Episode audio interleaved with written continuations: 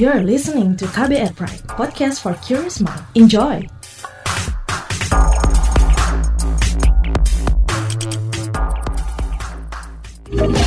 Kamu lagi dengerin What's Trending KBR Pagi. KBR Pagi siaran pagi radio paling update. Selamat pagi, apa kabar Anda hari ini di hari Senin 20 Juli 2020? Kembali lagi bersama saya Don Brady yang kali ini giliran harus siaran dari rumah. Dan ya, pagi ini kita akan ngobrolin soal merespon potensi penularan COVID-19 lewat udara. Jadi, seperti uh, sudah kita ketahui bersama, Organisasi Kesehatan Dunia atau WHO beberapa waktu lalu itu merilis pedoman baru tentang penularan virus corona baru yang mengakui dimungkinkannya transmisi virus penyebab penyakit COVID-19 melalui udara. Nah, jadi menurut WHO beberapa prosedur medis itu dapat menghasilkan droplets yang sangat kecil atau aerosol yang dapat tetap menggantung di udara untuk jangka waktu yang lebih lama. Sementara itu WHO juga menyoroti ruangan eh, dengan pengaturan tertutup seperti restoran, klub malam, tempat ibadah atau tempat kerja di mana orang mungkin berteriak, berbicara atau bernyanyi. Nah, dalam pandemi ini penularan aerosol tak dapat dikesampingkan, khususnya di lokasi dalam ruangan yang tidak berventilasi, serta orang yang terinfeksi menghabiskan waktu lama dengan orang lain. Dibutuhkan lebih banyak penelitian untuk menginvestigasi dan menilai signifikansinya untuk penularan COVID-19.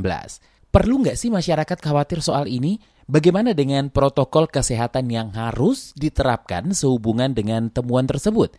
Kita bakal obrolkan lebih lanjut soal ini, tapi kita simak dulu seperti apa keriuhan netizen plus 62 di media sosial terkait ini. Ini dia.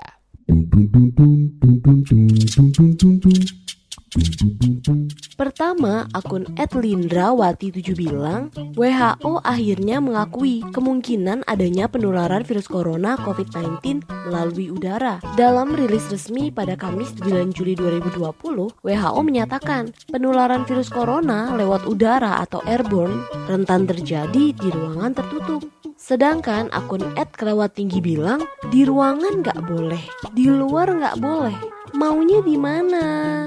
Akun at underscore Nat YR bilang katanya waktu itu nggak nyebar lewat udara. Sekarang bilangnya nyebar lewat udara. Piye to iki? Jadi simpang siur, makin bikin was-was, jadi takut buat ke mana-mana. Akun IMM Teknik MIPA Un bilang, penularan lewat udara bisa saja terjadi jika kita tidak melindungi diri dengan alat pelindung atau masker. Dengan itu, risiko tertular COVID-19 melalui udara berkurang. Selain itu juga, kita harus tetap menghindari kerumunan dan tetap menjaga jarak. Waspadalah dari ancaman COVID-19. Kalau akun Nanda Prada underscore bilang disiplin pakai masker melindungi kita dan sesama dari paparan COVID-19 yang menyebar lewat udara. Akun @hanhan yupi 98 bilang penularan COVID lewat udara. Angin kan random. Akun @bang underscore ajun 79 bilang kita wajib pakai masker. Nah, yang terakhir akun @bigguy underscore bagaska bilang COVID airborne lewat udara melayang ke mana-mana. Ruangan harus terbuka agar dapat sirkulasi. Sedangkan COVID-nya bisa masuk ke ruangan yang terbuka tersebut. Udahlah, sarapan dulu.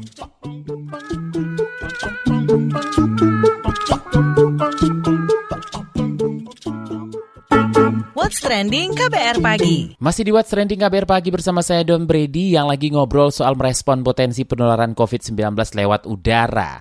Nah, jadi anggota tim pakar medis gugus tugas percepatan penanganan COVID-19 I Gusti Ngurah Kade Mahardika itu memberikan tanggapannya terkait dengan potensi penularan COVID-19 lewat udara. Kita simak cuplikan penuturannya lewat kanal YouTube BNPB berikut ini. Sebagai virus pernafasan, sekali lagi, virus ini memang berpeluang dari awal itu mestinya jadi secara aerosol seperti diketahui tidak hanya makro droplet yang terjadi pada saat kita batuk misalnya pada saat kita bersin mm-hmm. juga muncul muncul mikro droplet yang berpeluang terjadi uh, melalui aerosol. Kira itu jawaban. Jadi bukan hal baru sebetulnya dan mestinya tidak membuat kita semakin panik. Kalau aerosol secara ilmu virologi ini bukan true aerosol sebetulnya. Kalau yang disebut dengan true aerosol itu uh, menular bersama aliran angin, aliran udara. Ke mana alat udara, sanalah kemudian penyakitnya itu berjangkit. Ini tidak. Ini biasanya dalam setting ruangan tertutup, misalnya bis, kemudian ruangan ber AC, pusat-pusat perdagangan atau perkantoran atau restoran yang menggunakan misalnya ventilasinya melalui ventilasi buatan atau ber-air condition. Jadi ini settingnya pada ruangan tertutup. Yang sederhana adalah ventilasinya usahakan ventilasi alami. Buka jendela, buka pintu, kemudian dan itu akan virus itu kalaupun ada yang tertular itu kan larut dan mohon diingat bahwa untuk membuat sakit itu perlu dosis tertentu atau viral load tertentu. Sehingga dengan ventilasi terbuka itu konsentrasi virus yang terpapar pada individu itu mungkin akan jauh lebih, lebih sedikit. Dan yang kedua saya melihat peluang sebetulnya memang belum direkomendasi oleh WHO, belum direkomendasi oleh Satgas COVID. Itu adalah intervensi instalasi ultraviolet yang portable yang harganya saya cek itu tidak mahal. Ya sangat saya kira standar kami di lab itu menggunakan ultraviolet. Sepanjang tidak ada manusia tidak ada orang di dalamnya itu sangat aman. Bahkan ada ada sekarang yang portable yang ada sensor begitu ada manusia maka alatnya mati sendiri ini saya kira intervensi sederhana tapi mungkin perlu standarisasi Satgas COVID di Jakarta untuk menjadi salah satu strategi untuk mengurangi resiko COVID itu di ruangan-ruangan tertutup dan ini murah, sangat efisien. Tapi sekali lagi yang paling sederhana adalah saya bahkan sederhana mengatakan kepada banyak orang, semakin kita berkeringat di suatu ruangan atau di suatu pusat perbelanjaan, kita semakin aman. Begitu Anda merasa nyaman, bahkan harus pakai jaket, maka virus juga senang di sana dan resiko kita semakin tinggi. Merespon pernyataan resmi dari Organisasi Kesehatan Dunia atau WHO yang mengakui bahwa virus corona SARS-CoV-2 memiliki potensi untuk menular melalui udara, Perhimpunan Dokter Paru Indonesia atau PDPI pun keluarkan sejumlah imbauan. Isi rekomendasi PDPI itu di antaranya masyarakat diimbau agar tetap waspada dan tidak panik. Selain itu, masyarakat diimbau agar menghindari pergi ke tempat keramaian, baik itu tempat tertutup maupun tempat terbuka. Berikutnya gunakan masker di mana saja dan kapan saja bahkan dalam ruangan. Lalu ciptakan ruangan dengan ventilasi yang baik seperti membuka jendela sesering mungkin, kemudian selalu jaga kebersihan tangan, serta hindari menyentuh bagian wajah sebelum mencuci tangan, serta tetap terapkan jaga jarak pada aktivitas sehari-hari. Lebih lanjut, kita tanyakan kepada Sekretaris Perhimpunan Dokter Paru Indonesia Erlang Samudro. PDPI merespon dengan mengeluarkan beberapa poin. Seperti apa ini? Apa bedanya droplet dengan aerosol nih? Ya, satu dari kerumunan, kemudian ini kan bisa berpotensi menular di dalam ruangan tertutup ya. Jadi kalau dalam ruangan tertutup, digunakan masker juga. Jadi jangan seakan-akan aman di dalam ruangan tertutup, justru malah tambah bisa menular gitu loh. Intinya itu. Jadi gunakan masker terus kemudian hindari pertemuan-pertemuan kayak begitu tuh yang banyak orang kemudian ruangan tertutup itu kan jadi lebih mungkin terkena tertular gitu loh. Ukurannya kalau droplet itu kan lebih dari 5 mikron. Kalau uh, yang kurang dari 5 mikron ya itu tadi aerosolisasi tadi itu. Nah untuk itu protokol kesehatan perlu diubahkah dan bagaimana pula dengan penanganan epideminya? Nggak ada, emang dari dulu emang udah ada itu bukan dari aerosol, bukan soal baru. Kita udah jadi nggak ada nggak ada sesuatu yang baru sebenarnya. Udah cukup lah sekarang ini kan udah nggak ada nggak ada lagi kita mau lockdown lockdown lagi udah nggak ada lagi semuanya ntar lockdown kita juga mati juga nggak punya duit. Jadi ya udah sekarang protokol kesehatan ini aja dijalanin ya gunakan masker setelah ketika berkeluar dari ruangan silakan aktivitas tapi dengan menggunakan protokol-protokol kesehatan itu aja. Baik, terima kasih Sekretaris Perhimpunan Dokter Paru Indonesia Erlang Samudro. What's trending KBR pagi? Selamat pagi buat Anda yang baru saja bergabung di What's Trending KBR pagi. Ya, selamat menjalankan aktivitasnya hari ini. Tetap patuhi protokol kesehatan, pakai masker, di mana pun Anda uh, berada, ya kan? Nah, kita lanjutkan ngobrolin soal merespon potensi penularan COVID-19 lewat udara. Tadi kita sudah ngobrol uh, dengan Sekretaris Perhimpunan Dokter Paru Indonesia Erlang Samudro dan juga kita sudah mendengarkan pernyataan dari tim pakar medis gugus tugas percepatan penanganan COVID-19 I Gusti Ngurah Kade Mahardika. Nah, lantas perlu nggak sih masyarakat khawatir apa saja yang perlu diperhatikan oleh masyarakat? Kita akan bahas bareng Ketua Satgas COVID-19 ID Zubairi Zurban. Terkait dimungkinkannya penularan COVID-19 lewat udara, bagaimana perlu direspon oleh masyarakat nih? Ya, sebetulnya untuk masyarakat sih sama saja. Hanya sebetulnya itu berat, itu bisa menjelaskan mengapa terjadi penyebaran COVID-19 yang amat cepat. Mengapa bisa terjadi misalnya di sebuah kapal pesiar di Yokohama itu bisa 700 orang lebih kena, di kapal induk bisa 1000 lebih kena, kemudian di gereja di Korea Selatan terkait dengan sebuah gereja itu bisa dari 4 dalam 40 hari bisa 5000 orang terinfeksi. Demikian di Prancis dan juga di Bandung serta kalau di masjid itu di Taman Sari maupun di Petaling Jaya. Jadi sebetulnya ini adalah suatu cara penularan yang dari dulu ada, cuman makin lama makin banyak bukti. Ya intinya kalau mau diambil pelajaran ya supaya kita lebih hati-hati saja. Perbandingan penularan droplet dengan penularan uh, lewat udara? Droplet itu bisa paling jauh 2 meter kurang sedikit gitu ya kalau droplet. Intinya kalau kita batuk, bersin, bicara itu akan keluar virus, tapi virusnya nggak akan lebih dari 2 meter, sekitar 1,7 maksimal. Nah kalau udara maka itu misalnya dari satu ruangan yang besar itu dari sebuah ujung ke ujung lain bisa bisa menyebar dan itu yang bisa menjelaskan mengapa yang tadi saya omongin tadi kenapa bisa terjadi klaster yang besar sekali. Klaster yang besar sekali amat sukar dijelaskan bahwa penularannya hanya droplet. Karena kalau droplet kan yang sudah diketahui seorang yang terinfeksi itu nyebarnya ke dua tiga orang saja kalaupun super spreader artinya bisa menyebar lebih banyak, itu tidak lebih dari super spreader yang bisnis orang Inggris dari Singapura itu sekitar tujuh orang. Kemudian kalau di Korea itu sekitar 30 sekian orang, nggak ada 40. Nah bagaimana menjelaskan dari satu tempat bisa menyebar ke 5.000 orang?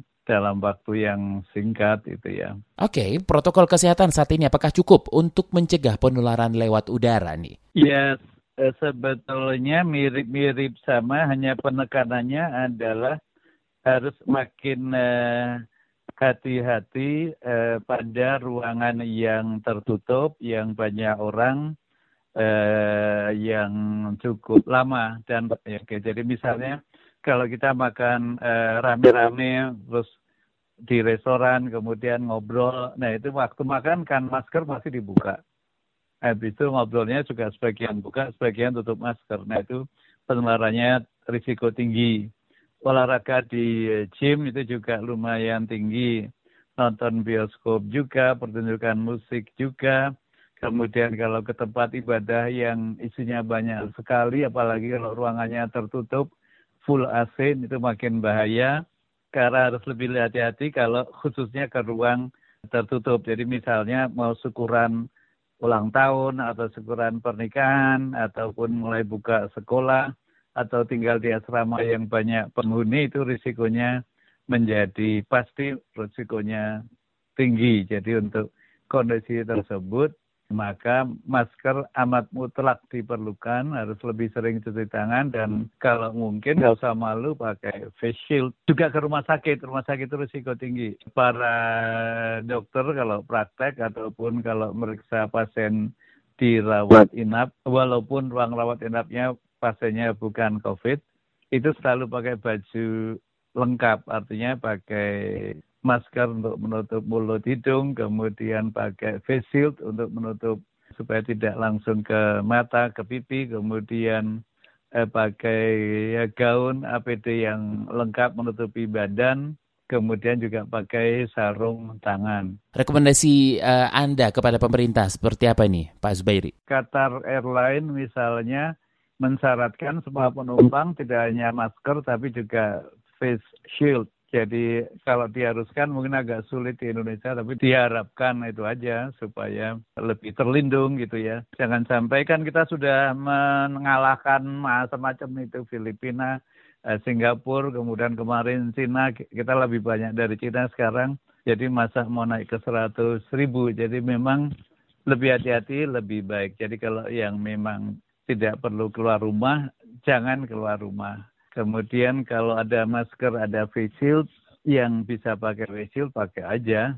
Oh juga tadi tambahnya adalah juga kalau kita naik kendaraan umum ya, naik bis, naik kereta api, itu perlu lebih hati-hati. Sebetulnya standar yang lalu sudah cukup, cuman tidak dikerjakan. Jadi yang perlu ditambahkan pendisiplinannya kurang beres harus ditingkatkan pendisiplinan dari aparat negara agar orang eh, melakukan protokol kesehatan. Jadi kalau misalnya yang saya lihat saya tinggal di kawasan di Tebet itu bagus banyak sekali tempat RW yang dipasang portal. Hanya satu satu tempat keluar di RW saya. Dan saya di tempat beberapa tempat lain juga begitu. Itu bagus namun mestinya juga ada yang jaga. Misalnya mau keluar kompleks dari RW situ mestinya ditanya mau ke mana pak? Gitu. Keperluan apa? Mau belanja atau mau kerja atau mau apa?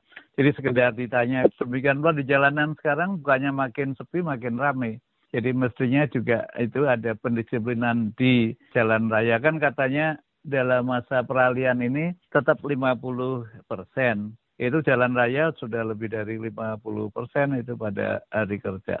Kemudian di KRL dari Jakarta ke Depok itu asal jam 5 ke atas penuh, nggak ada tuh jarak 2 meter atau satu setengah meter. Paling setengah meter juga nggak ada. Jadi memang peraturannya sudah bagus, cuman pendisiplinannya yang masih kurang. Oh, satu lagi protokol kesehatan yang lain. Jadi kalau ada ruangan sebaiknya jendelanya dibuka satu. Kemudian sebelum ruangan itu dipakai untuk rapat atau apa sebaiknya sehari sebelumnya selain disemprot juga dipasang lampu ultraviolet kan ada neon ultraviolet. Nggak terlalu mahal, nggak ada 500 ribu. Terima kasih Ketua Satgas COVID-19 ID Zubairi Zurban. What's Trending KBR Pagi. Demikian KBR Pagi hari ini. Jika Anda tertinggal siaran ini, Anda kembali bisa menyimaknya di podcast What's Trending yang ada di kbrprime.id atau di aplikasi podcast lainnya. Akhirnya saya Don Brady undur diri dan sekali lagi tetap patuhi protokol kesehatan, ya kan? Kita belum selesai nih melawan uh, si virus corona ini. Kita harus masih terus berperang. Jadi pakai maskermu dan rajin-rajin cuci tangan ya dan jangan lupa jaga jarak. Bye bye. Terima kasih ya sudah dengerin What's Trending KBR pagi. KBR Prime, cara asik mendengar berita. KBR Prime, podcast for curious mind.